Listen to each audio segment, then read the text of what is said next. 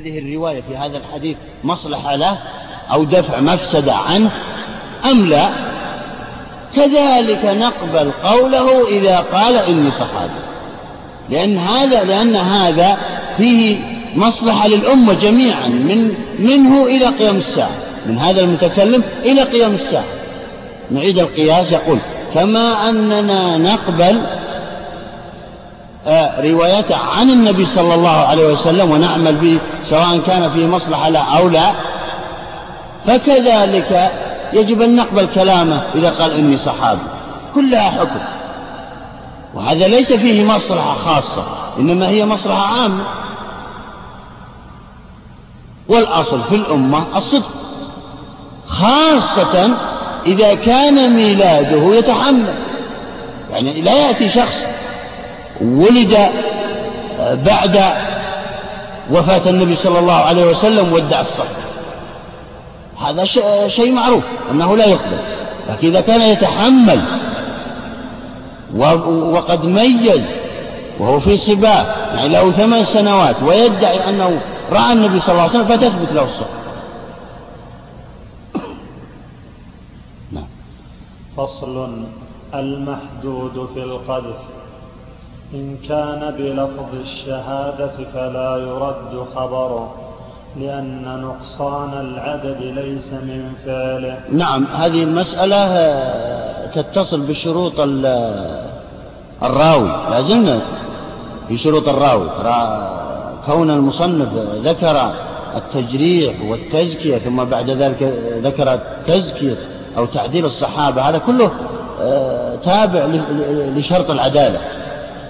فهذا الفصل أيضا اشترط بعضهم من شروط الراوي ألا يكون محدودا بحد شرعي. ألا يكون الشخص محدود بحد شرعي. إذا كان محدود بحد شرعي فلا تقبل روايته هذا كلام بعضهم. المصنف يقول في فرق بين بحد بالقذف آه، اشترط بعضهم يقول ألا يكون الشخص محدودا بحد القذف فإذا كان محدودا بحد القذف فإنه لا تقبل روايته المصنف تبعا للغزالي يقول إننا إن المسألة فيها تفصيل. إن كان الشخص الذي قذف زيد قذف عمرو زيد قذف عمرا إن كان هذا القذف بلفظ الشهادة فماذا قال هنا؟ إن كان بلفظ الشهادة فلا يرد خبره لأن نقصان العدد ليس من فعله. أين نعم. يقول إنه إن كان بلفظ الشهادة فتقبل روايته يقول أشهد أن فلان قد زنى مثلا. أشهد أن فلان قد زنى. فلا ت... هو شهد بما رأى أو بما سمع أو نحو من ذلك لا خطأ لا يوجد خطأ منه. إنما الخطأ أن العدد لم يكمل لم يستكمل يعني. فإذا شهد العدل الثقة بأنه رأى فلان يقبل قوله وتقبل روايته أيضا. نعم لأنه للتلازم هنا. لماذا لماذا قال للتلازم لأنه لا يلزم من هذا من شهادته على فلان بأنه زنى أنه كاذب. قد يكون صادق ولكن العدد لم يكمل. مثل قضية أبي بكر. مثل قضية أبي بكر الحارث بن نفيع هذا. فهنا شهد هو واثنان معه على أن المغيرة بن شعبة قد زنى فشهد معهم رابع وقيل أنه نكل أو أنه كذا. فجلد عمر رضي الله عنه أبا بكر. جلده والإثنين الذين اللذين شهدا معه. جلده جلد حد القذف ثمانين جلد. ومع ذلك قد قبل الصحابة ومن جاء من بعدهم رواية أبي بكر لما روى بعض الأحاديث.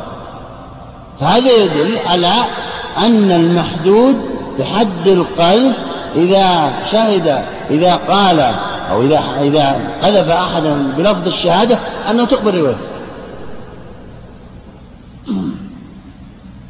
لأنه نقص العدد وليس هو من عنده نقصان العدد. هو قد يكون قد يكون أبو بكر صادق وهذا هو الذي يعني ممكن أن يقال. ولكنه ما ما كمل الشهود الأربعة على الزنا. نعم. ولهذا روى الناس عن أبي بكرة رضي الله عنه واتفقوا على ذلك. روى الناس. هذه الكلمة فيها تساهل. روى أئمة الحديث. روى أئمة الحديث وليس الناس. الناس يعم العوام وغيرهم نعم. الله عنك. ولهذا روى الناس عن أبي بكرة رضي الله عنه واتفقوا على ذلك وهو محدود في القذف وإن كان بغير لفظ الشهادة فلا تقبل روايته حتى يتوب. أي نعم. هذا طبعا إذا كان بلفظ بغير لفظ الشهادة فلا تقبل روايته يعني يقول رأيت فلانا كذا وكذا أو غير ذلك من الألفاظ هذا لا تقبل يقول لأنه جزم بها. وعند الحنفية وكثير من العلماء قالوا أبدا. إذا تاب الإنسان فإنها تقبل روايته سواء كان بلفظ الشهادة أو بغير لفظ الشهادة. إذا ثبتت عدالته وتوفرت فيه الشروط الأربعة السابقة وهذا هو القول الحق. قول الحق أنه أن الشخص إذا تاب إذا تاب فتقبل روايته. إذا توفرت فيه شروط ال شروط ال الراوي السابقة الأربعة. نعم. ولا ولا تقاس الرواية على الشهادة. سيأتينا الكلام عن هذا نعم قلنا أنه إذا كان بلفظ الشهادة فإنه لا يعد خبر لكن لو كان مثلا بلفظ غير الشهادة. أنه في أحد المجالس مثلا. ولكن هي عشان الحد إقامة الحد يعني يترك أصول الشهود نعم. هو صادق في شهادة ولكن لقلة الشهود سيقام عليه الحد. فاكتفى بذكر المجالس. وهل يقال أيضا على هذا مسرد شهادته؟ فاكتفى بالكلام في المجالس؟ يعني آه، ذكر فعله فعل هذا الشخص بالمجالس؟ إذا ذكره في المجالس سيوجد عليه شهود. ثم سيقوم ذاك الشخص المذكور بالشر أو غير ذلك وسيطالب بحقه. مع أنك تثبت ذلك وأنتم تعلمون أن إثبات الزنا من أصعب الأمور. فالإنسان قد يحتمل أو إذا وجد, وجد كذا يوجد عدة احتمالات وتبرئه. يوجد عدة احتمالات. فصل فصل في كيف في في كيفية. كما يعني يقال بأن الذي نكل أو بعضهم جاء إلى القاضي وقال أنت تشهد بأن هذا دخل في هذه كما يدخل كذا وكذا؟ فقال والله لا لا أشهد بذلك ولو كنت جالسا بينهم. انظر إلى هذه ترى صعبة الإثبات صعب جدا يعني مسألة إثبات الزنا. نعم. لذلك لا يؤخذ بالشهود وإنما يؤخذ بالإقرار نعم. فصل في كيفية الرواية وهي على أربع مراتب أعلاها قراءة الشيخ عليه في معرض الإخبار ليروي عنه. وذلك يسلط الراوي أن يقول حدثني وأخبرني. وقال فلان وسمعته يقول أي نعم هذه طرق الرواية. رواية الشيخ رواية التلميذ عن شيخه. طرق رواية التلميذ عن شيخه. كيف يقول؟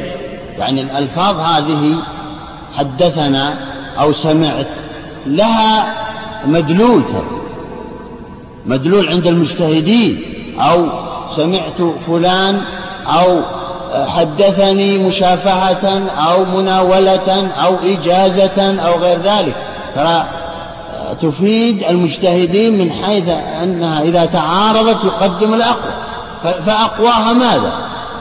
قال أعلاها قراءة الشيخ عليه في معرض الإخبار ليروي عنه إيه، يعني يقوم الشيخ ويقرأ عليه. يقرأ على هذا التلميذ ما ثبت لدى الشيخ من الأحاديث كما يفعل الإمام أحمد كما يعني آه، حكي. أنه أنه يحضر الأحاديث في بيته ثم يأتي الطلاب ويقرأ. تلك الأحاديث عليهم قراءة ثم يذهب لا يتكلم هكذا آه، بدون إثبات في أوراق. كان يفعل هذه الطريقة. فهذا قراءة الشيخ على التلميذ في معرض الإخبار هذا أعلى المستويات في آه، التحديث. فقال هنا آه، كأن سائلا سأل قال ماذا يقول التلميذ إذن؟ قال يقول عدة آه، ألفاظ. قال ها؟ وذلك يسلط الراوي أن يقول حدثني. يسلط يعني يستطيع الراوي أن يقول بهذه الألفاظ. حدثنا حدثني وأخبرني وقال فلان وسمعته يقول. هذه أربعة ألفاظ من أقوى الألفاظ بالتحديد حدثني وأخبرني وسمعت فلان يقول. هذه لابد أن يقولها إذا كان الشيخ قد فعلا قد حدثه وروى لها الأحاديث ليحدث. هذا قواها قال الثانية أن يقرأ على الشيخ فيقول نعم أو يسكت. أي نعم هذه الثانية. أن يقرأ التلميذ على الشيخ. يقرأ أحاديث أو يقرأ كتابة. في الحديث أن يقرأ التلميذ على الشيخ في فينطق الشيخ أو يسكت يعني إما يقول نعم أو يسكت وسيأتي البحث عن قوله نعم وعن قوله وعن السكوت. نعم. الثانية أن يقرأ على الشيخ فيقول نعم أو يسكت. فتجوز الرواية به خلافا لبعض أهل الظاهر. أي نعم أهل الظاهر يقول أبدا لا تجوز. إذا قرأ التلميذ على الشيخ آه، بعض الأحاديث وقال آه، وقال نعم أو سكت لا يجوز للتلميذ أن يحدث بتلك الأحاديث. لا يجوز أبدا لأنه ما نطق بها ما حدثها هو بلفظه. نعم. الثانية لا تكثر الإعادة يعني فقط. أولنا أنه لو لم يكن صحيحا لم يسكت. نعم. لو كان أي نعم. يعني هذا دليل أصحاب المذهب الأول. وهو أن أنهم يقولون إن إن التلميذ إذا قرأ على الشيخ وقال نعم أو سكت فإنه يعتبر محدثا. ما هو دليلهم؟ قالوا نعم. قالوا إنه لو لم يكن موافقا على ما قرأه هذا التلميذ عليه لما سكت الشيخ. ثم قيد هذا السكوت بما يلي. قال نعم لو كان ثم مخيلة إكراه أو غفلة لا يكتفى بسكوته. أي نعم يعني إلا كأنه استثناء هنا. إلا إذا غلب على ظن ظننا أنه قال نعم أو سكت إكراها مكرها على ذلك. أو غلب على ظننا غفلة هذا الشيء بنوم أو نحو من ذلك إذا سكت يعني هنا لا يجوز أن أن يحدث عنه التلميذ ويقول حدثني فلان أو قرأت على فلان. لا يجوز أبدا. إذا نقول الدليل أنه يلزم من سكوته موافقة هذا الشيخ على صحة هذه الأحاديث التي قرأها التلميذ عليه. إلا إذا غلب على ظن التلميذ أن الشيخ سكت مكرها أو أنه قد يعني نالته وقد يعني أتته بعض الغفلات نعم وهذا يسلط الراوي على أن يقول أنبأ كأن سائل سائل قال ماذا يقول إذا الراوي هنا؟ يعني ماذا يتكلم به؟ هل يقول حدثنا مثل ما سبق أقواها أم لا؟ قال. وهذا يسلط الراوي على أن يقول أنبانا وحدثنا فلان قراءة عليه. نعم. لا بد أن يقول قراءة عليه. أنبأنا أو نبأني أنبأني أو حدثني لكن لا بد أن يقول قراءة عليه. حتى لماذا يقول قراءة عليه؟ حتى يتبين أن في المرتبة الثانية وليست الأولى. حتى لو تعارض حديثان الآن قال تلميذ حدثنا فلان وقال تلميذ آخر يعني محدث آخر حدثني فلان قراءة عليه وتعارض الحديثان. هذا الحديث يقول يجوز وذاك يقول لا يجوز فإنه يقدم إيش؟ الحديث الأول عند المجتهد. لأن القراءة عليه أضعف من إيه؟ من من المرتبة الأولى. نعم. وهل يجوز أن يقول أخبرنا أو حدثنا؟ انتبهوا ترى أنا كررت مرارا.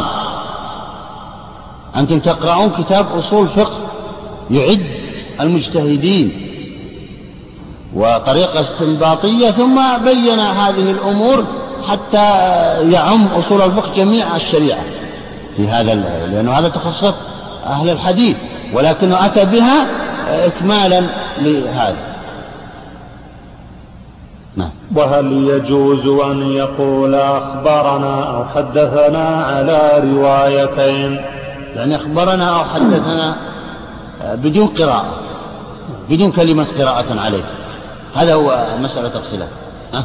إحداهما لا يجوز كما لا يجوز أن يقول سمعت من فلان والأخرى يجوز وهو قول أكثر الفقهاء. أي نعم. يقول الأولى لا يجوز. لا يجوز أن يقول أخبرني وحدثنا أخبرنا وحدثنا بدون قراءة عليه. قياسا على أنه لو قرأ الشيء لو قرأ الطالب على الشيخ هذه الأحاديث لا يجوز له يقول أن يقول سمعت فلانا يقول. هذا معروف أنه اتفق العلماء على أنه لا يجوز أن يقول سمعت فلان يقول مع أنه هو الذي قرأ عليه. أما الرواية الثانية الإمام أحمد فقال يجوز ما في مانع. أن يقول أخبرني وحدثني بدون قراءة عليه. وهذا غير صحيح. الأول هو أصح لأنه يبين لنا مراتب الرواية والدقة فيها. عند التعارض طبعا. عند التعارض هذا الكلام عند التعارض. نعم. لأنه إذا أقر لأنه إذا أقر كان قوله نعم. والجواب بنعم كالخبر بدليل ثبوت أحكام الإقرار به. أي نعم.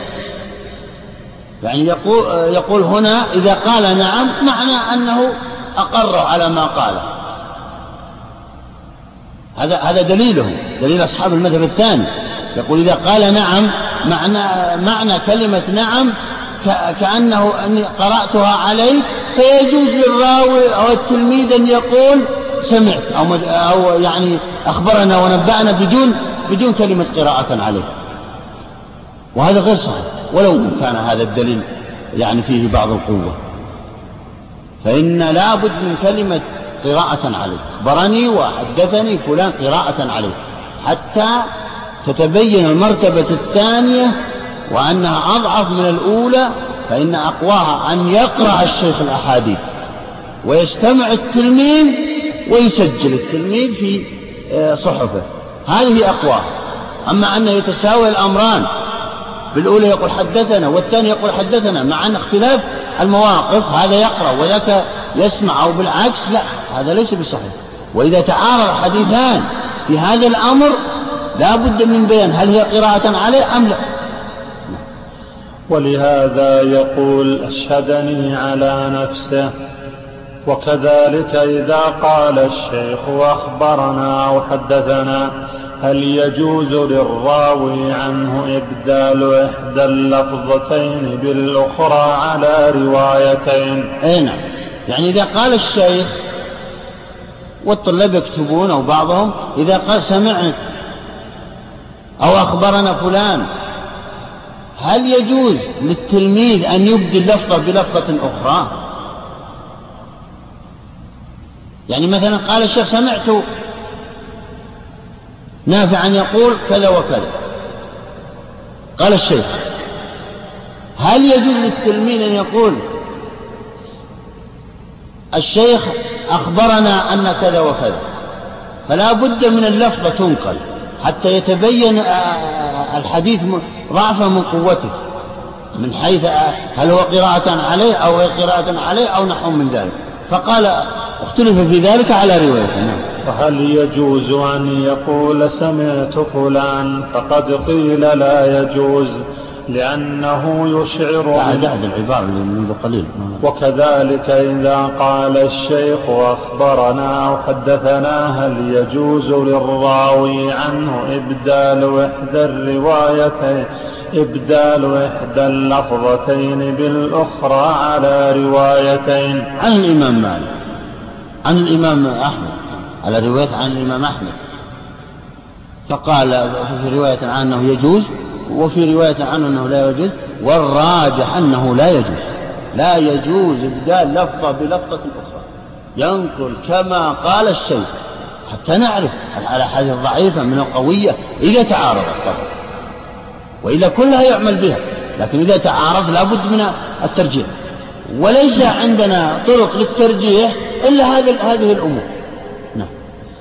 وهل يجوز أن يقول سمعت فلان فلانا فقد قيل لا يجوز لأنه يشعر بالنطق وذلك كذب إلا إذا علم بصريح قوله أو بقرينة أنه يريد القراءة على الشيخ. نعم. هل هل يجوز للتلميذ أن يقول سمعت فلانا يقول مع أنه قرأ عليه؟ هذه مسألة اختلف العلماء فيها.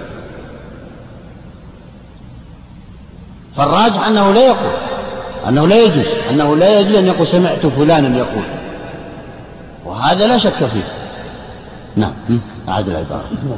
فقد قيل له وهل يجوز أن يقول سمعت فلانا؟ فقد قيل لا يجوز لأنه يشعر بالنطق وذلك كذب إلا إذا علم بصريح قوله. أو نعم, نعم هذا دليله. يقول لا يجوز لأن كلمة سمعت أن الشيخ هو الذي نطق مع أن الحال والواقع أن التلميذ هو هو الناطق. الشيخ فقط قال نعم أو سكت. الشيخ قال نعم أو سكت ونعم لا تدل على كل ما قرئ. والسكوت لا يدل على أنه موافق على كل شيء. فلذلك لا يقول سمعت فلان يقول. كلمة سمعت من سماع الإذن لصوت آخر. وفي الحقيقة أن أن التلميذ هو الذي قرأ. فلذلك لو قال سمعت مع أنه قرأ مع أن التلميذ قال قرأ على الشيخ يكون كاذب في الرواية. نعم. أو بقرينة أنه يريد القراءة على الشيخ. الثالثة الإجازة. وهو أن يقول وجزت لك أن تروي عني الكتاب الفلاني أو ما صح عندك من مسموعاتي. أي نعم. هو لا يقرأ الشيخ على التلميذ ولا التلميذ يقرأ على الشيخ يعطيه أوراق ويقول أجزت لك أن تروي عني هذه المروية. يشير إليها. فلذلك هذه المرتبة الثالثة تأتي تأتي بالرتبة الثالثة لو تعارضت الأحاديث يقول اروها عني اروى هذا هذا هذه الأوراق أو هذه الأحاديث عني. نص. هذه يسمى إجازة وأجزت لك. نعم. الثالثة الإجازة وهو أن يقول أجزت لك أن تروي عني الكتاب الفلاني أو ما صح عندك من مسموعاتي. الرابعة. وهذا واضح إيجاز أجزت لك. يعطيك كتابة صنفة في الحديث ويقول أجزت لك أن تروي كل ما أو في في آثار الصحابة يقول أجزت لك أن تروي. ما في هذا الكتاب. نعم. الرابعة المناولة وهو أن يقول خذ هذا الكتاب فروه عني. لا ينطق بلفظة أجزت. إنما يناوله الكتاب. ويقول نصا خذ هذا الكتاب. فروه عني. لكن لا ينطق بكلمة أجزت أن تروي عني. ففرق بين الكلمتين. أعد العبارة. الرابعة. الرابعة المناولة. وهو أن يقول خذ هذا الكتاب فروه عني. فهو كالإجازة لأن مجرد المناولة دون اللفظ لا يغني. واللفظ وحده يكفي وكلاهما تجوز الرواية به. فيقول حدثني وأخبرني إجازة. نعم. هو الآن يقارب بين الإجازة والمناولة. لكنه قال إن المناولة كالإجازة. وأنتم تعلمون وقد كررنا ذلك أن المقاس أضعف دائما من المقاس عليه. فهو قال إن المناولة كالإجازة. وأقوى الأم... الثالث والرابع أقواهما طبعا الإجازة. يقول أجزت أن تروي عني مسموعات التي في هذا الكتاب. أجزت لك. لكن هنا المناولة لم يقل أجزت. إنما ناول يقول خذها خذها وحدث بها أو نحو من ذلك من هذه العبارة. فالمنا ولا بد أن يذكر مناولة أو آه، إجازة على أساس آه، أو لأجل أن نقدم أحدهم على الآخر إذا تعارض. ففرق بين إجازة ومناولة. نعم. فإن لم يقل إجازة لم يجز. إيه نعم. لا بد أن يقول إجازة. لا بد أن يقول إجازة أنا آه، سمعت كذا وكذا إجازة أو مناولة. حتى تفترق آه، أو يفترق هذان الأمران عن الأول والثاني. نعم. قراءة الشيخ أو قراءة التلميذ على الشيخ. قراءة الشيخ على التلميذ أو قراءة التلميذ على الشيخ. فإن لم يقل إجازة لم يجز وجوزه قوم وهو فاسد نعم يعني لا يجوز أن يترك كلمة إجازة. لا بد أن يذكر إجازة. وبعضهم قال أبا يجوز لا مانع أن يقول سمعت وأخبرني وإلى آخره آه بدون كلمة إجازة قال وهذا فاسد. لماذا؟ لأن وهو فاسد لأنه يشير بسماعه منه وهو كذب. أي نعم. ما, ما سمع. كل ما في هذا الكتاب من شيخ ما سمع. بإذنه. إنما قرأه في الكتاب. وقراءة الشيء ليست مثل السماع فيكون في هذا كاذبا وهذا لا يليق بالراوي. وحكي عن أبي حنيفة وأبي يوسف أنه لا تجوز الرواية بالمناولة والإجازة وليس بصحيح أي نعم. حكي عنهما أنه لا تجوز لا تجوز الرواية بالمناولة والإجازة. يعني واحد يعطيك الكتاب ويقول أجزت لك أن تروي ما في هذا الكتاب أو خذ هذا الكتاب وحدث به آه، إلى الناس إلى آخره. يقول أبو حنيفة وصاحبه أبو يوسف أنه لا يجوز لا يجوز الحديث في هذا الكلام. ولا وليس معنى ذلك أن الحديث ثابت عن الشيء. يمكن يكتب الإنسان كما قال يكتب الإنسان في في في كتابه الحديث ضعيفة أو غير حتى أن قال بعضهم يمكن النساخ يدخلون بعض الأحاديث. لأنكم كما تعلمون في السابق كان الإنسان يصنف كتابا ثم يضعه في الخان. في دمشق في القاهرة في بغداد ثم يأتي الشخص ويدور على هذا الخان بمرتبة المكتبة الآن ثم يقول أريد نسخة من هذا الكتاب يطلع عليه قليلا ثم يعطي النساخين بعضا من النقود ينسخوا له هذا الكتاب. يجلسون عند باب المكتب ويترزقون الله ومنهم الإمام أحمد. كان كان أكثر عمله في هذه الطريقة. كان ينسخ الكتب إذا اشتد به اشتدت به الحاجة. فقد يأتي الناسخ شخص لا يعرف الشريعة ويعدل بالحديث ويبدل كلمة عارف اللغة العربية. يبدل لفظة بلفظة أخرى أو نحو من ذلك. يظن أنها هذه عن هذا. فأبو حنيفة وأبو آه، يوسف يقول لزيادة الاستيثاق بالأحاديث ينبغي ألا نقبل مثل هذه الأحاديث مناولة أو إجازة وهذا يدل على دقة, دقة الحنفية في هذا الأمر. نعم وليس بصحيح لأن المقصود معرفة صحة الخبر لا عين الطريق. أي نعم يعني لأن المقصود معرفة صحة الخبر صح لا عين الطريق المثبت للخبر. والحقيقة أن كلام أبي حنيفة والحنفي كلهم وأبو يوسف معهم صحيح وهو الصحيح. أنه ينبغي أن نتأكد من الأحاديث التي في الكتب المناولة أو المجازة ينبغي أن نتأكد لا شك أن أن طريقتين الأوليين آه، قراءة الشيخ على التلميذ وقراءة التلميذ على الشيخ ثابتة ما في خلاف. لكن آه، المناولة والإجازة لا نقول يردان وإنما نتأكد من الأحاديث التي في هذا الكتاب. نتأكد منها. قد تدخلها الأيادي.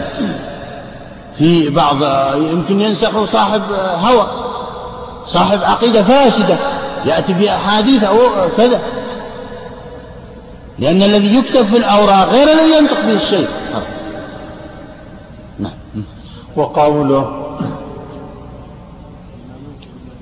اي نعم يعني يعني كلام أبي حنيفة وأبي يوسف غير صحيح. هو قول هذا قصده. قول أبي حنيفة و وأبي يوسف. أنه لا لا يقبل الحديث إذا كان إذا كتب فيه إجازة أو مناولة لا يقبل الحديث حديث آه هذا المتكلم هذا قصده هذا حكي عنهما. نعم. وقوله هذا الكتاب مسموعي فروه عني في التاريخ كقراءته والقراءة عليه. يعني يقصد قول أن هذا أعد العبارة وقوله هذا الكتاب مسموعي فروه عني. اي نعم إذا قال الشيخ هذا الكتاب هو مسموع يعني ما سمعته من الشيوخ. آه، فروي عني. يقول أنه كالقراءة عليه. يقول المصنف أنه كالقراءة عليه. نعم. كقراءته والقراءة عليه. فأما كقراءة الشيخ على التلميذ وقراءة التلميذ على الشيخ يعني المرتبتين الأوليين نعم. فأما إن قال سماعي ولم يقل وهذا الحقيقة فيه نظر. يعني بمعنى أنه قال إذا إذا قال الشيخ لتلميذه هذه مسموعاتي في هذه الأوراق يعني يعطيها أوراق يقول هذه مسموعات فرويها عني. نص. يقول المصنف وتبعا للغزالي وكثير من الشافعية أن أن هذا في مرتبة قراءة الشيخ لهذه المسموعات أو على التلميذ أو قراءة التلميذ على الشيخ ويقول نعم ويسكت وهذا فيه نظر الحقيقة ليس هذا مثل هذا ولا في مرتبته لاحتمال دخول الناسخين كما قلنا فيما سبق النساخ. وتسلطهم على هذه الأوراق واستبدال حديث بحديث أو أو أو استبدال لفظة بلفظة أو غير ذلك من الأمور. ونظرا لهذا الاحتمال فإنه لا لا يكون هذا في مرتبة قراءة الشيخ لكل حد ويسجل الطالب. وقراءة التلميذ على الشيخ ويقول نعم ويسكت ليس هذا بمرتبته هذا بعيد جدا ترى. ولا يقاس هذا في هذا. هذا قياس مع الفارق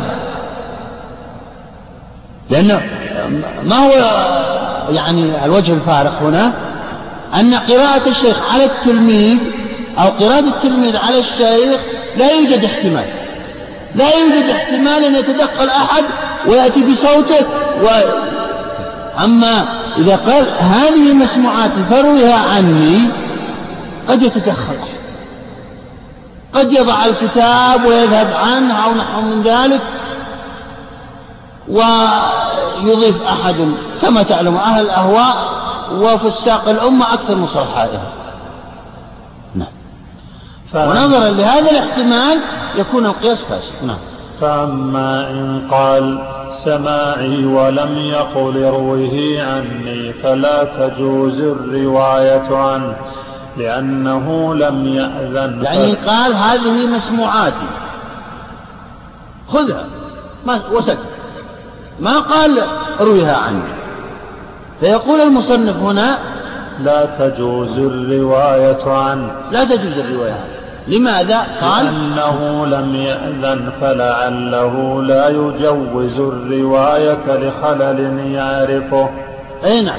يعني بمعنى أن الاحتمال قوي في أن في الأحاديث ما هو ضعيف أو من المحدثين أو رجال الحديث ما هو ضعيف؟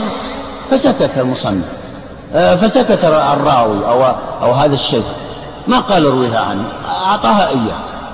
هنا اعتراض. قال ولذلك لو قال عندي شهادة لا يشهد بها ما لم يقل. أذنت لك أن تشهد على شهادتي. أي نعم. قاسوها على هذا الأمر. يعني شها... أن الأصل ينبغي أن يأذن للفرع أن يشهد على شهادته. يعني إذا قال عندي شهادة أن فلان كذا وكذا وسكت. ما قال لمن أمامه اشهد على هذه على هذا الكلام الذي قلته. وسكت. فإنه لا تقبل شهادة الفرع. لا تقبل شهادة الفرع على شهادة الأصل. هذا معروف. قد سبق أن بينا ها؟ فالرواية شهادة والإنسان قد يتساهل في الكلام لكن عند الجزم بها يتوقف. اي نعم.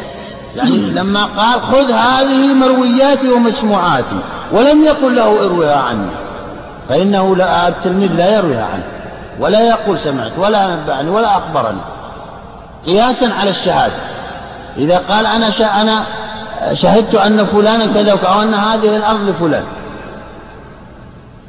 لا يجوز للسامع أن يشهد على شهادته إلا إذا أذن الأصل أن يشهد على شهادته ويشهد على شهادته. كذلك هنا. لا يجوز للتلميذ أن أن يروي هذه الأمور ما دام أن الشيخ لم يقل ارويها عني لماذا؟ قال لأنه قد يعطي أشياء وأحاديث. لو سئل عن رواة هذه الأحاديث فسكت. لأن أحيانا الإنسان يتكلم بكثير من الكلام في مجالسه. ولكن إذا قيل له والله سنسجل هذا الكلام الذي أنت تقوله أو سنكتبه توقف وبدأ يتكلم بحذر من كل كلمة. وكذلك لو وجد, لو وجد شيئا مكتوبا بخطه لا يرويه عنه لكن يجوز أن يقول وجدت بخط فلان. أما إذا قال العدل هذه نسخة لحظة لحظة. العبارة كذلك إذا وجد آه شيء مكتوبا بخطه لا يرويه عنه. أي نعم. يعني إذا وجد شخص هو خط الأحاديث. يعني هو كتب هذه الأحاديث بهذه الأوراق. ووجدها. ووجدها لكنه لم يذكر أنه سمع فلانا أنه حدث بها. لا يجوز أن يحدث بها. مع أنه خط واضح هو نفسه. لم يتذكر يعني. أعد العبارة. وكذلك لو وجد شيئا مكتوبا بخطه لا يرويه عنه. آه آه نعم. المسألة التي قلتها ستأتي. يعني إذا إذا وجد التلميذ شيء آه، أحاديث قد خطت بخط شيخه وعرف ذلك وعرف أن هذا خط شيخه نعم. فإن التلميذ لا يروي هذه الأحاد ويقول سمعت شيخي يقول أو نحو من ذلك. لكن يجوز أن يقول وجدت بخط فلان. أما يجوز أن يروي التلميذ ويقول وجدت بخط فلان أنه روى عن فلان أو أن النبي صلى الله عليه وسلم قال. يجوز. لكن لا بد أن يذكر وجدت بخط فلان. لا يقول حدثني كذا وكذا ولا يذكر هذه العبارة. لأنه ما حدثه ولا قرأ عليه ولا التلميذ قرأ عليه ولا ولا ناوله ولا آه، أجاز له.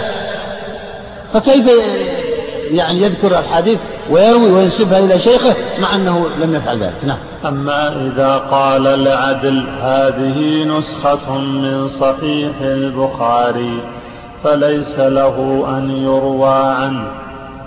أن يروي عنه. فليس له. عنه. يعني يعني أش... إذا قال الشيخ هذه نسخة من صحيح البخاري مثلا فليس للتلميذ أن يروي عنه ويقول روى فلان وقال فلان كذا وكذا عن أبي عبد الله البخاري. ليس له أن يقول هذا الكلام. ها؟ وهل يلزم العمل به؟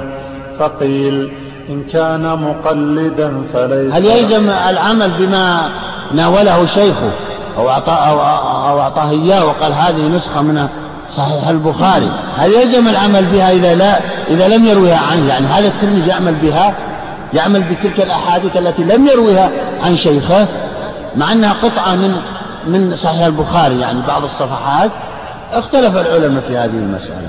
نعم. فقيل إن كان مقلدا فليس له العمل به لأن فرضه تقليد المجتهد. نعم.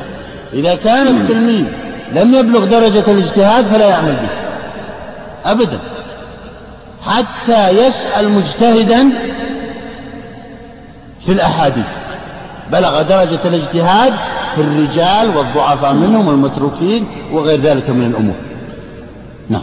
وإن كان مجتهدا لزمه لأن أصحاب رسول الله صلى الله عليه وسلم كانوا يحملون صحف الصدقات إلى البلاد وكان الناس يعتمدون عليها بشهادة حاملها بصحتها دون أن يسمعها كل واحد منه فإن ذلك يفيد سكون النفس وغلبة الظن. أي نعم. يقول إن كان مجتهدا فإنه يجب أن يعمل بها. وإن لم يعني يقول الشيخ أعمل أو نحو من ذلك. لماذا؟ لأن الصحابة بلغوا درجة الاجتهاد وإذا روى لهم صحابي من الصحابة حديثا عملوا به. دون الرجوع إلى النبي صلى الله عليه وسلم ويتأكدوا هل هو هل هو قال هذا الحديث أو لم يقل. هل هو قال هذا الحديث أو لم يقل. فإنه يعملون به مع أن النبي صلى الله عليه وسلم موجود. لماذا؟ قال لأن النفس تسكن. ويغلب على الظن أن هذا الصحابي لم يروي حديثا إلا إذا كان ثابتا عن النبي صلى الله عليه وسلم. فتسكن النفس ويغلب الظن على ويغلب على الظن أن النبي صلى الله عليه وسلم قال ذلك. نعم. وقيل لا يجوز العمل بما لم يسمعه والله أعلم. هذا المذهب الثالث. لا يجوز العمل مطلقا سواء كان مقلدا أو مجتهدا لا يعمل به. ما دام أن هذا الراوي أعطاه قطعة من كذا بدون أن يقول له روى عنه وبدون أنه يقول اعمل بها فإنه لا يعمل بها. نعم. فصل نعم. على أي فصل؟ فصل الآن إذا وجد سماعه بخط يوثق نعم. إذا وجد. نقف على هذا وصلى الله على نبينا محمد وعلى آله وصحبه أجمعين. بسم الله والحمد لله والصلاة والسلام على رسول الله. نبدأ من حيث وقفنا. نبدأ يا شيخ. بسم الله الرحمن الرحيم. الحمد لله رب العالمين. الصلاة والسلام على نبينا محمد وعلى آله وصحبه أجمعين. قال الإمام ابن قدامة رحمه الله تعالى فصل إذا وجد سماعه بخط يوثق بخط يوثق به جاز له أن يرويه وإن لم يذكر سماعه إذا غلب على ظنه أنه سمعه. نعم. لا زلنا في مسائل توثيق النصوص حيث إن النص المعمول به ينقسم إلى قسمين كتاب وسنة. أما الكتاب فسنده ثابت لا شك فيه. أما السنة فالمتواتر منها فسندها ثابت كالكتاب وهي قليلة. أما الحديث المتواتر أما الحديث الآحاد فلا زلنا ندرس مسائل إثبات إسناده وإيجاده. فهذه من المسائل التي فيها دراسة للسند. فهنا إذا وجد شيئا مكتوبا بخط يده على أنه سمعه من شيخ من إمام من أئمة الحديث. إذا وجد يعني حديثا مكتوبا بخط يده آه على أنه سمعه في وقت من الأوقات من شيخه من شيوخه في الحديث فإنه يجوز أن يرويه. ويقول سمعت أو حدثنا إذا تذكر شيخه أو نحو من هذه العبارات بشرط إذا غلب على ظنه أنه سمع من شيخ. إذا غلب على ظن أنه سمع من شيخ. هو لا يذكر. هو يعني المسألة مبنية على أن هذا الشخص لا يذكر شيخه. ولكنه وجد بخط يده بعد سنوات وسنوات حديثا قد دون بخط يده وعرف خطه ووثق من خطه. فإنه طبعا المحدث والراوي لا بد أن يقول حدثنا أو سمعت فلانا يقول أو نحو ماذا قال صلى الله عليه وسلم. هنا يحدث به. بشرط أن يذكر سماعه يعني ذكره هذا الخط بأنه سمع من شيخ من شيوخ الحديث. أعد العبارة. نعم. إذا وجد سماعه بخط يوثق به جاز له أن يرويه وإن لم يذكر سماعه إذا غلب على ظنه أنه سمعه. وإن لم يذكر سماعه يعني وقت سماعه. وإن لم يذكره فهنا عندنا شرطان أن أن يكتب هذا الحديث بخطه ويتأكد من ذلك. الثاني أن يذكر سماع أنه سمع أن يذكر أنه سمع من من شيء لكن لا يذكر وقت سماع. فهنا يجوز أن يرويه للآخرين ويقول حدثني فلان آه عن فلان أن النبي صلى الله عليه وسلم قال مثلا. نعم. وبه قال الشافعي وقال أبو حنيفة لا يجوز قياسا على الشهادة. أي نعم. قال أبو حنيفة لا يجوز أن يحدث بهذا. ما لم يذكر سماعه. قياسا على الشهادة. يعني كما أن الشهادة إذا وجد بخط يده إذا وجد بخط يده أنه شهد أن كذا وكذا لا يذكر تفاصيل هذه الشهادة فإنه لا يجوز أن يشهد أن يشهد, أن يشهد بناء على ذلك الخط. يعني لو مثلا شهد في قبل عشر سنوات وكتب بخطته أني شهدت أن كذا وكذا وكذا. ثم وجد هذه الورقة. ولم يذكر تفاصيل تلك الشهادة. فإنه لا يجوز أن يشهد بناء على خط يده. يقول أبو حنيفة هذا الكلام.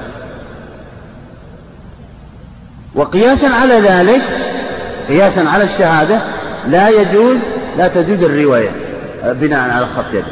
لا تجوز الرواية بناء على خط يده. عندنا أربعة أركان. الأصل الشهادة والفرع الرواية العلة الجامعة بينهما أن كل منهما أن كل منهما قد ثبت بخط يده.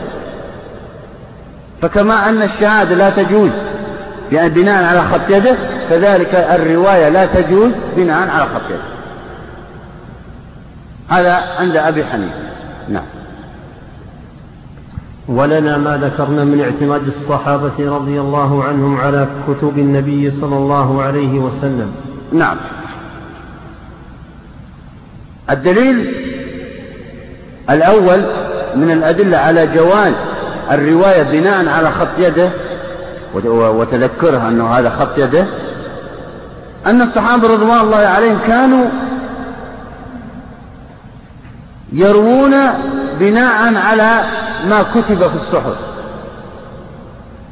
ويتذكرون أن هذا خط إما أيديهم أو أيدي بعض الصحابة الذين يعرفونه. ومع ذلك يرون الحديث. ولنا؟ ولنا ما ذكرنا من اعتماد الصحابة رضي الله عنهم على كتب النبي صلى الله عليه وسلم. نعم يعتمدون عليه بالرواية طبعا كتبة الوحي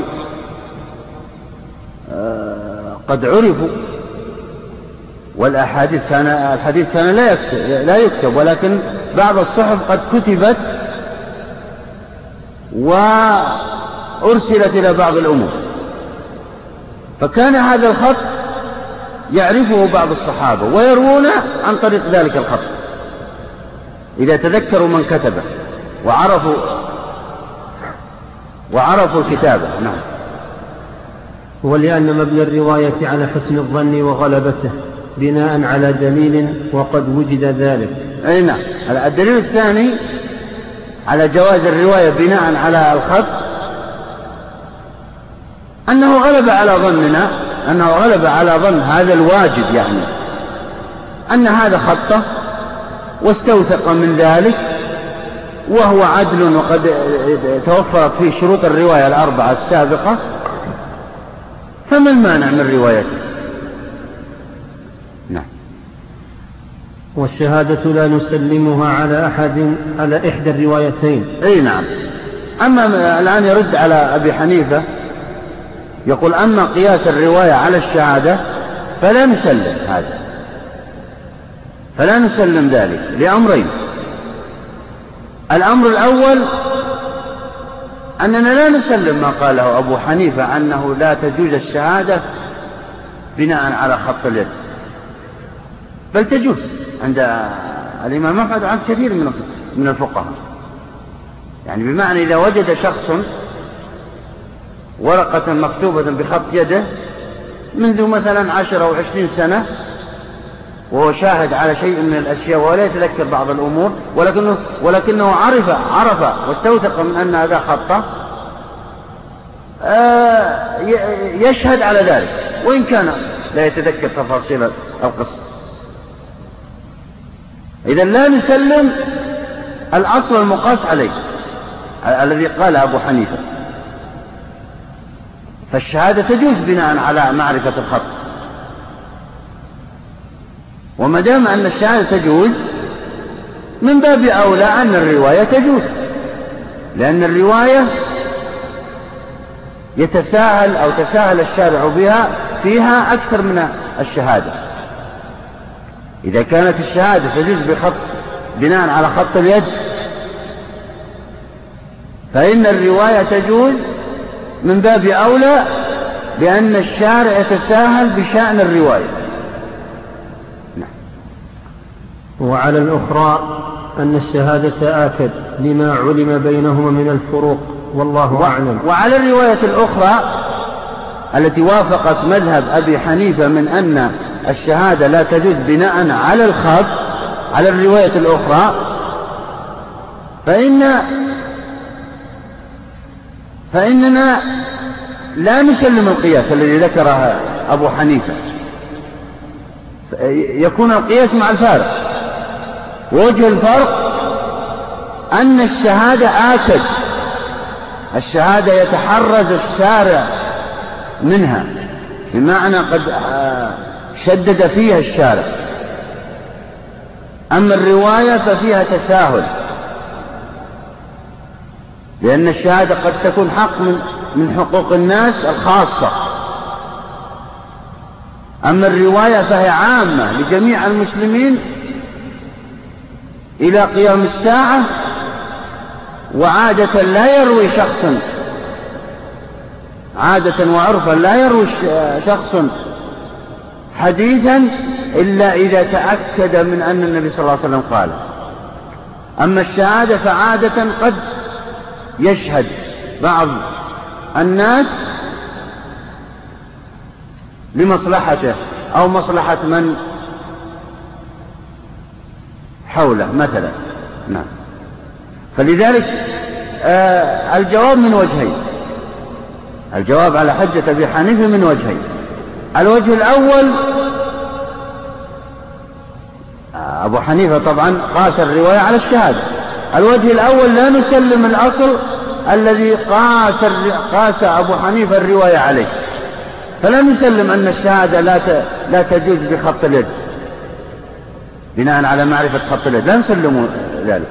الوجه الثاني أننا نسلم أن الرواية أن الشهادة لا تجوز. أن الشهادة لا تجوز. ولكن قياس قياس الرواية على الشهادة قياس فاسد لأنه قياس مع الفارق. لأن الشارع لأن الشارع دائما يتحرز في الشهادة دون الرواية دون الرواية. نعم. فصل إذا شك في سماع حديث من شيخه لم يجز له أن يرويه عنه. لاحظوا ترى المسألة فيها أثر أو, أو يترتب عليها آثار كثيرة في رد بعض الأحاديث دون بعض. انتبهوا يعني بعض الحنفية الآن يردون الحديث الذي وجده شخص بخط يده. فلذلك تجدون الحنفية يقللون من الأحاديث. لأن عندهم شروط في الأحاديث دقيقة. ومن هذه المسألة وهذا الذي جعل بعض بعض أهل العقول الضعيفة ومن تعلم سطحيات العلوم يتهم الحنفية بأنهم يستدلون بالأقصى والعقول دون الأحاديث.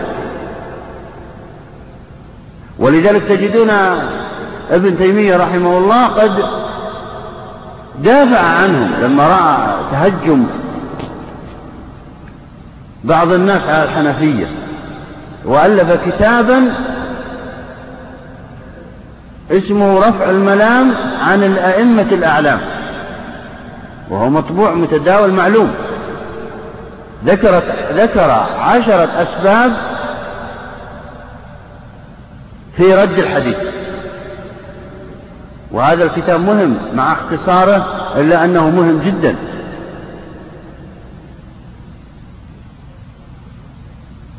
لذلك من لم يحتج ببعض الأحاديث لا يتهم ولا يجوز أن يتهم ولا إنكار في المسائل الخلافية كما قال العلماء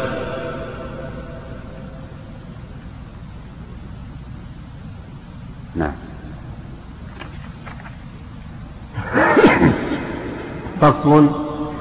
إذا شك في سماع حديث من شيخه لم يجز أن يرويه عنه لأن, رواية لأن روايته عنه شهادة عليه فلا يشهد بما لم يعلم. أي نعم. إذا شك الشك هو تساوي الطرفين.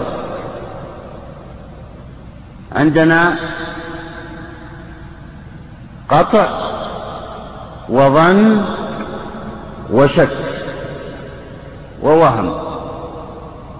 أما القطع فهو ترجيح طرف ولا يوجد طرف آخر. الجزم والعزم على المعنى ولا يوجد أي معنى آخر. أما الظن فهو أن يكون للشيء معنيين أن يكون للشيء معنيان يرجح أحدهما. هذا يسمى الظن أو, أو غلبة الظن. أما الشك فهو تساوي الطرفين. لم يرجح أحد الطرفين. لهما معنيان لا لم يرجح أحدهما.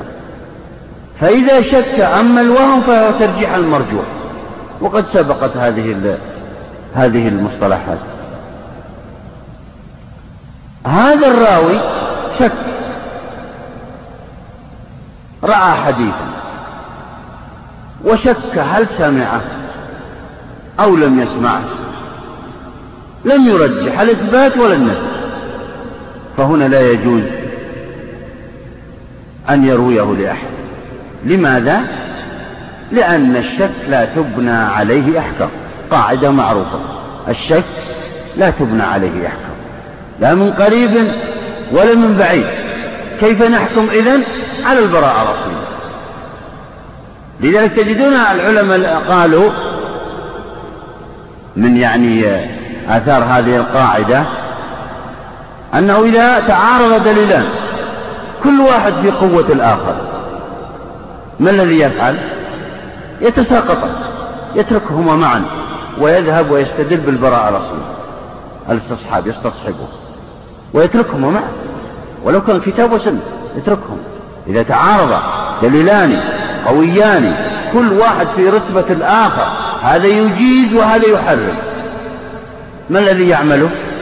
ما عنده مرد لا من السند ولا من المتن ولا من الخارج عجز فهنا يتساقطان ويذهب ويستدل بالبراءة الأصلية يعني يذهب إلى إلى أصله هو. هل الأصل في الأشياء عندها التحريم أما الأصل في الأشياء عندها الإباحة أم ماذا؟ فهذا الشك. نعم. أعد. إذا شك في سماع حديث من شيخه لم يجز أن يرويه عنه لأن روايته عنه شهادة عليه فلا يشهد بما لم يعلم. إيه، الشك جعلوه جعلوه مع قسم المجهول. الشك. لأنه إذا روى هذا التلميذ عن شيخ ذلك وهو شاك فيه معناه أنه أثبته وهذا لا يجوز. هذا كذب يسمى نعم. وإن شك في حديث من سماعه والتبس, والتبس عليه لم يجز أن يروي شيئا منها مع الشك لما ذكرنا. يعني يقصد من هذا أنه عنده عشرة أحاديث. وشك في واحد فقط لكن لا يعلم أين هو. لا يعلم هل هو التاسع أو العاشر أو الأول. لا يدري. ما هو الحديث المشكوك فيه؟ كلها لا يجوز أن يرويها. نهائيا. انظروا انظروا آه، دقة, دقة العلماء في إثبات الشريعة. يعني إذا شك في عشرة أحاديث إذا شك إذا كان آه، يعني عنده عشرة أحاديث. متيقن أن تسعة قد سمع من شيء ولكن شك في واحد. لكن لا يعلم أين هو هذا الواحد. هل هو العاشر أو الأول أو الخامس؟ فإنه لا يجوز أن يروي جميع الأحاديث.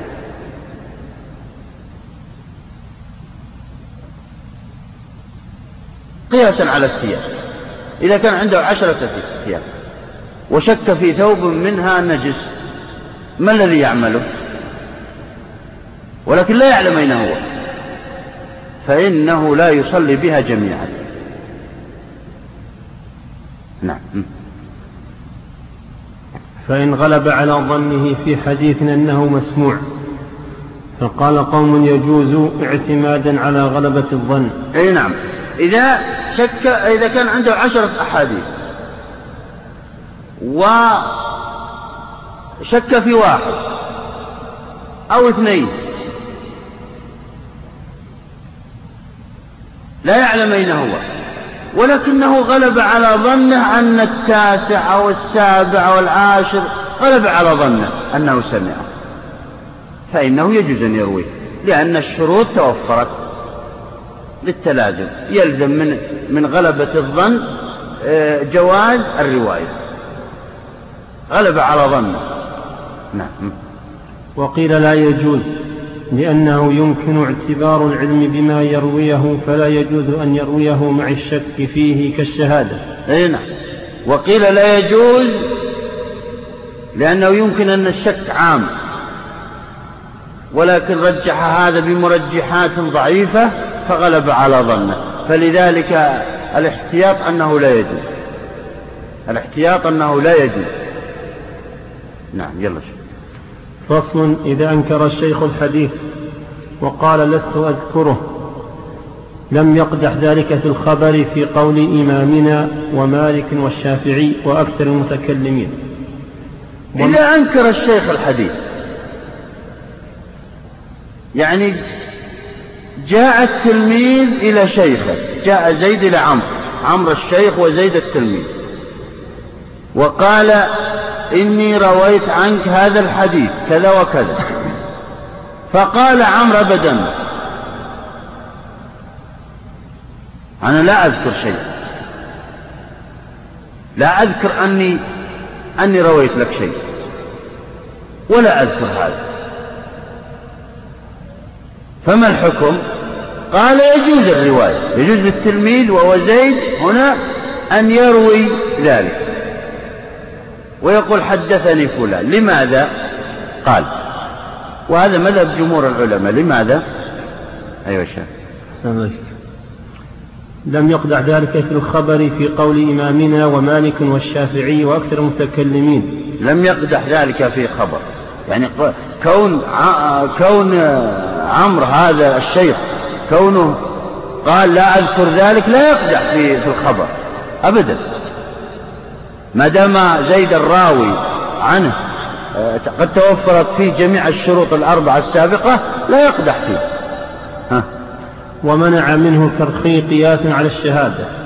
ومنع منه الكرخي وهو إمام من أئمة الحنفية كابن تيمية عندنا منع منه قياسا على الشهادة يعني بمعنى إذا يقول إذا جاء شاهد الفرع وقال إني سمعتك. شاهد الفرع زيد وشاهد الأصل عمرو جاء زيد وقال يا عمرو إني سمعت تشهد على فلان ابن فلان أنه فعل كذا. فقال عمرو أنا لا أذكر ذلك. فإن شهادة الفرع وهو زيد تبطل. هذا كلام من كرخي يقول لا يجوز هذا. قياسا على الشهادة. واضح قياس الكرخي نأتي إلى أدلته نعم وليس بالصحيح لأن الراوي عدل جازم بالرواية فلا نكذبه مع إمكان تصديقه. نعم. هذا ليس يقول كلام الكرخي ليس بصحيح. لماذا؟ للتلازم. لأنه يلزم من توفر شروط الرواية في الراوي وهو التلميذ وهو زيد عنده في المثال وجزم في هذه الرواية يلزم قبولها. يلزم قبولها. في حين أنه لا يوجد مانع. ها. الثاني والشيخ لا يكذبه. نعم. في حين أنه لا يوجد مانع. حيث أن الشيخ لم يكذبه لم يقل أنت كاذب. ما رويت ذلك. إنما قال أنا لا أذكر الحديث. لم يقل شيئا إلا هذه العبارة. أنا لا أذكر يقول. ما قال أن هذا الحديث فيه ما فيه أو أنا أنت تكذب مثلا علي أو نحو من ذلك. إنما الشيخ قال أنا لا أذكر. وهذه العبارة آه، في احتمال أنه نسي هو. هذا الراوي عمرو يعني الشيخ نسي أو غفل. أو أدركته غفلة الصالحين في آخر عمره مثلا. لا يذكر شيئا مما حفظه وسمعه. فهذه احتمالات لا تبطل الحديث لا تبطل العمل بالحديث. فتجوز الرواية على هذا الأساس. نعم. والشيخ لا يكذبه بل قال لست أذكره. نعم. فيمكن الجمع بين قوليهما بأن يكون نسيه فإن النسيان غالب على الإنسان وأي محدث يحفظ جميع حديثه. أي نعم. النسيان يغلب يغلب على الإنسان. ما سمي الإنسان إلا لنسيه. وقال وأي شخص هذا استفهام إنكاري ينكر أن يحفظ كل شخص, كل شخص الأحاديث طول عمره. حتى القرآن. يحفظ الإنسان في شبابه في كذا في كذا لكن آخر عمره يتداخل عليه الأمر. نعم. فيجب العمل به جمعا بين قوليهما. أي نعم. لذلك يقول يجب العمل بالرواية وإن أنكر الشيخ. وإن قال الشيخ أنا لا أذكره. فهذه المقالة لا تقدح في الحديث ولا تضعفه حتى. نعم. والشهادة تفارق الرواية في أمور كثيرة.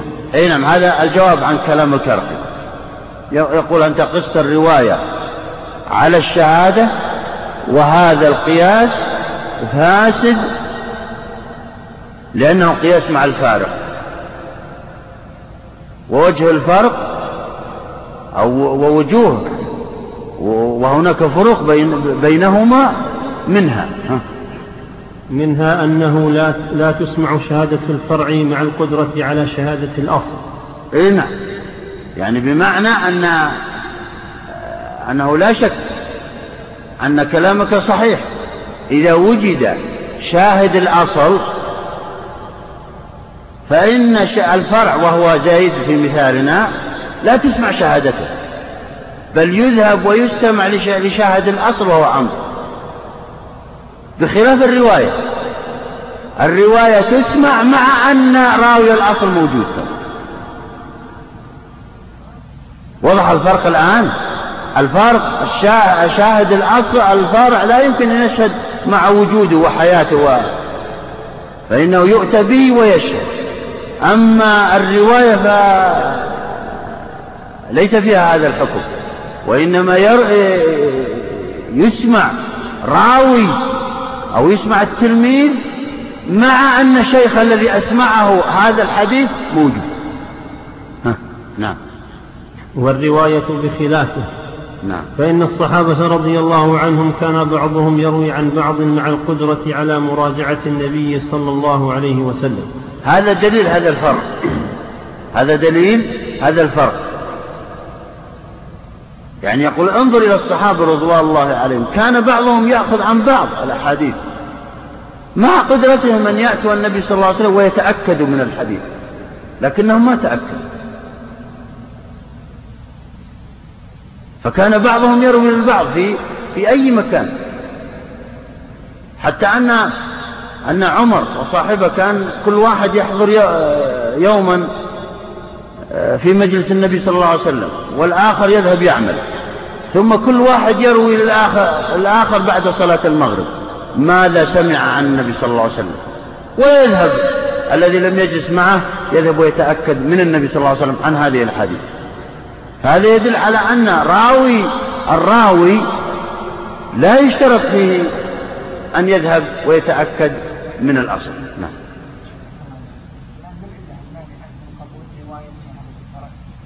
ها؟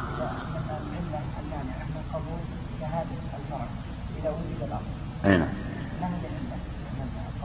العلة لأن الشارع احترز وتحرز وذكر شروط الشهادة بدقة حفاظا على حقوق الآخرين.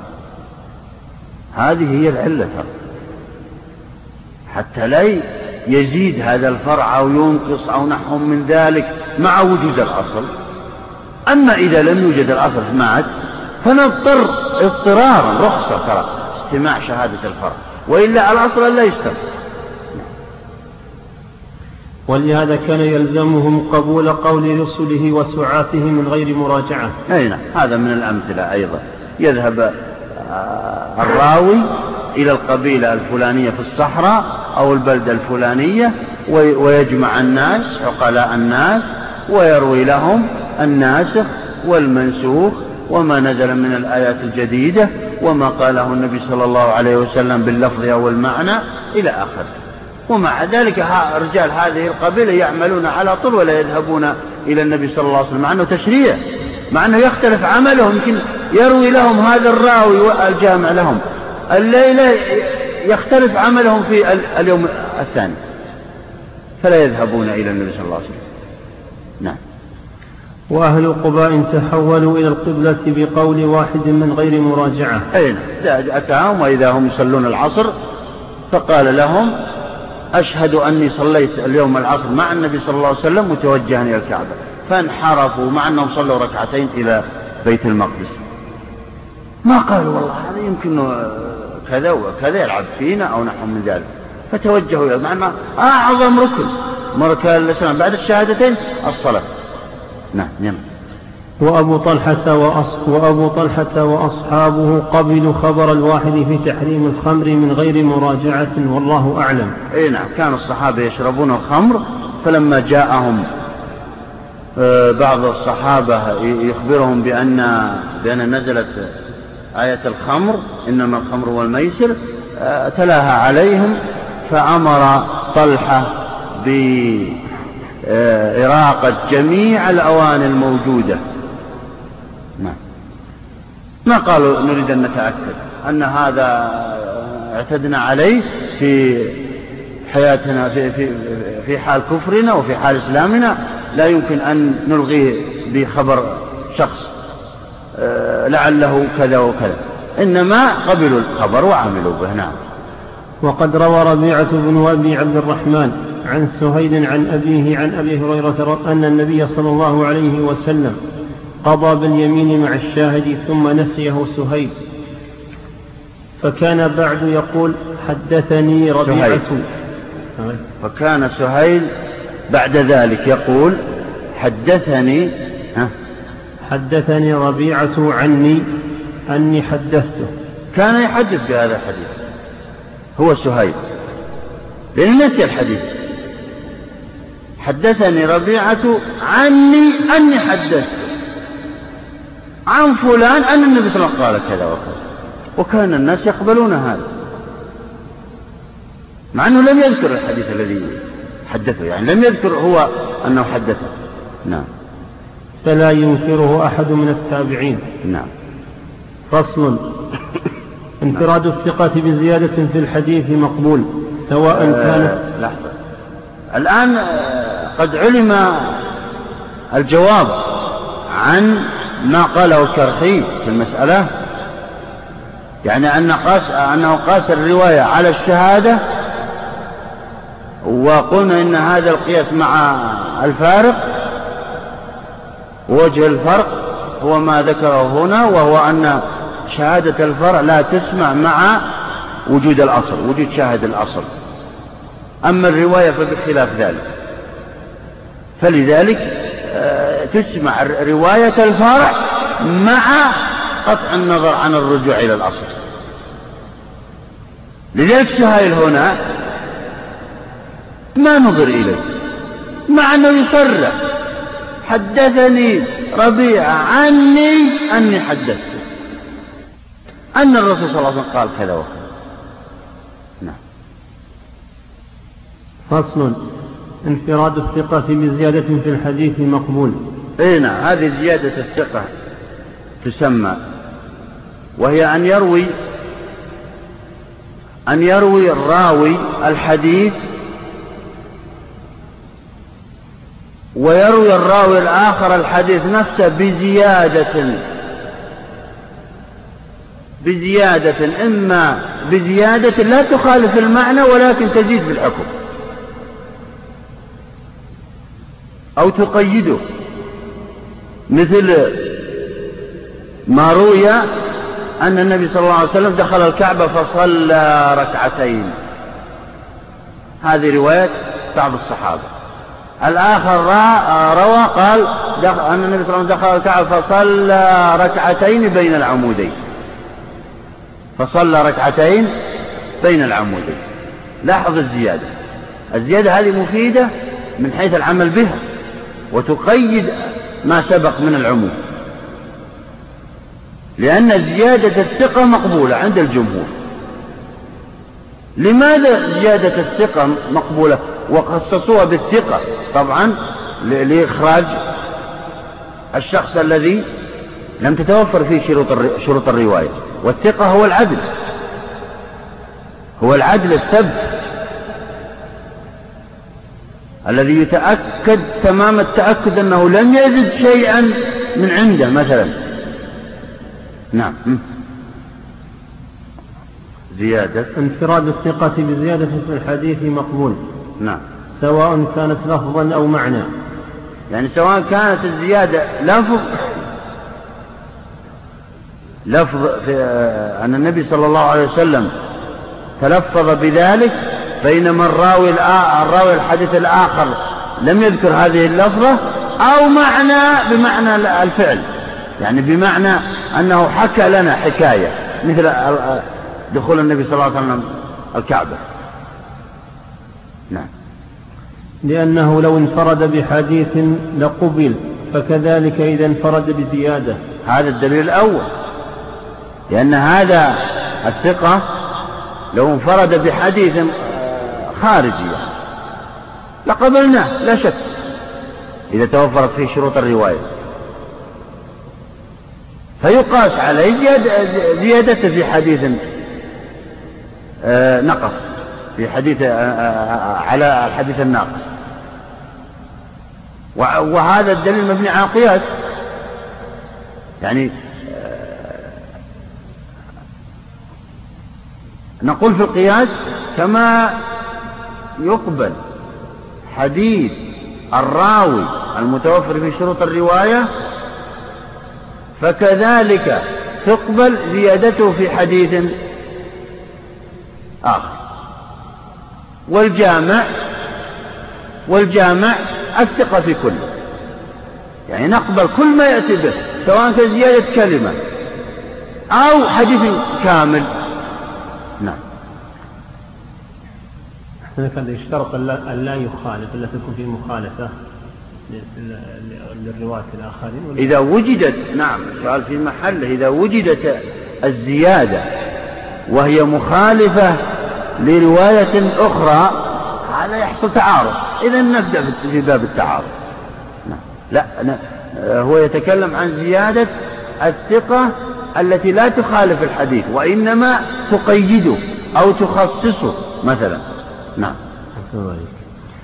وغير ممتنع أن ينفرد بحفظ الزيادة إذ أن من المحتمل أن يكون النبي صلى الله عليه وسلم ذكر ذلك في مجلسين. هذا الدليل الثاني وهو العرف والعادة. يعني جرت العادة والعرف أن الإنسان قد يروي الحديث ناقصا بأسباب لأسباب. سيذكرها المصنف هنا؟ أعد العبارة. وغير, وغير ممتنع أن ينفرد بحفظ الزيادة إذ أن من المحتمل أن يكون النبي صلى الله عليه وسلم ذكر ذلك في مجلسين وذكر الزيادة في أحدهما ولم يحضر راوي الناقص. لاحظت هذا السبب الأول. يعني قد يكرر النبي صلى الله عليه وسلم الحديث يذكره في مجلس مثلا اليوم ويذكره في مجلس يوم الأحد مثلا ويزيد في يوم الأحد زيادة في هذا الحديث يرويها الذي جلس في مجلس الذي زاد فيه.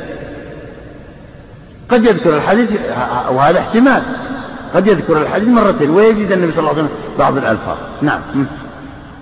بينما الناقص لم يدرك أو لم يجلس ذلك المجلس فنقصت عليه هذه الكلمة. نعم. ويحتمل أن راوي الناقص دخل في أثناء المجلس أو عرض له في أثنائه ما يزعجه. نعم. يعني بمعنى واحتمل احتمال آخر أن الحديث ذكر في مجلس واحد لم يكرر النبي صلى الله عليه وسلم. ولكن الذي حدث ماذا؟ أن هذا الراوي آه، دخل في منتصف الحديث فحفظ الذي أخذه أخذه من فيه النبي صلى الله عليه وسلم. ففاته أول الحديث. ويحتمل أيضا أن يكون هذا الراوي الذي روى الحديث الناقص قد خرج بسبب مخرج وهو كذا أو كذا مرض أو نحو من ذلك في في ولم يكمل النبي صلى الله عليه وسلم الحديث فصار صاحب الحديث التام قد جلس الجلسة كاملة. ويحتمل أن هذا الراوي للحديث الناقص قد أدهشه شيء فغفل عن لفظة ذكرها النبي صلى الله عليه وسلم. وهكذا. فما دام أنه يوجد احتمالات إذا تقبل هذه الزيادة مع أن الزيادة الذي رواها ثقة عدل توفرت فيه شروط الراوي الأربع. نعم. أو عرض له في أثنائه ما يزعجه أو يدهشه عن الإصغاء. نعم. أو يوجب قيامه قبل تمامه أو سمع الكل ونسي الزيادة. نعم. أو هذا الاحتمال هذا السبب الأخير. ذكر أسباب عدة هنا في هذه. أو أنه حفظ الحديث ولكنه نسي هذه الزيادة. لغفلته أو غير ذلك أو عدم تكرار لها أو غير ذلك. نعم. والراوي للتام عدل وقد جزم بالرواية فلا نكذبه مع إمكان تصديقه. أين نعم. يعني بمعنى أن الراوي للتام لم يحدث له كل هذه الأمور لم يدخل في أثناء الحديث ولم يخرج في أثناء الحديث ولم يدهشه شيء عن الإصغاء ولم ينسى مع توفر فيه شروط الراوي الأربعة فإننا لا يمكن أن نكذبه نعم. فإن علم أن السماع كان في مجلس واحد فقال أبو الخطاب يقدم قول الأكثرين وذوي الضبط. نعم. هذه مسألة متفرعة عن هذه عن هذه المسألة. إن كان الحديث قاله النبي صلى الله عليه وسلم في مجلس واحد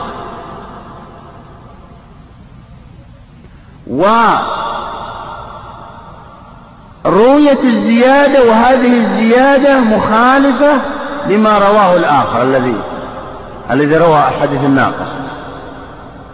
هنا يقع تعارض. قال أبو الخطاب من الحنابلة ومن أئمتهم أنه يقدم الحديث الأكثر رواة بشرط كونهم من الضابطين. المتقنين.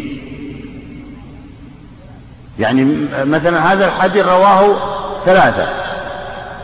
الحديث التام. الحديث الناقص رواه اثنان. نقدم الحديث التام.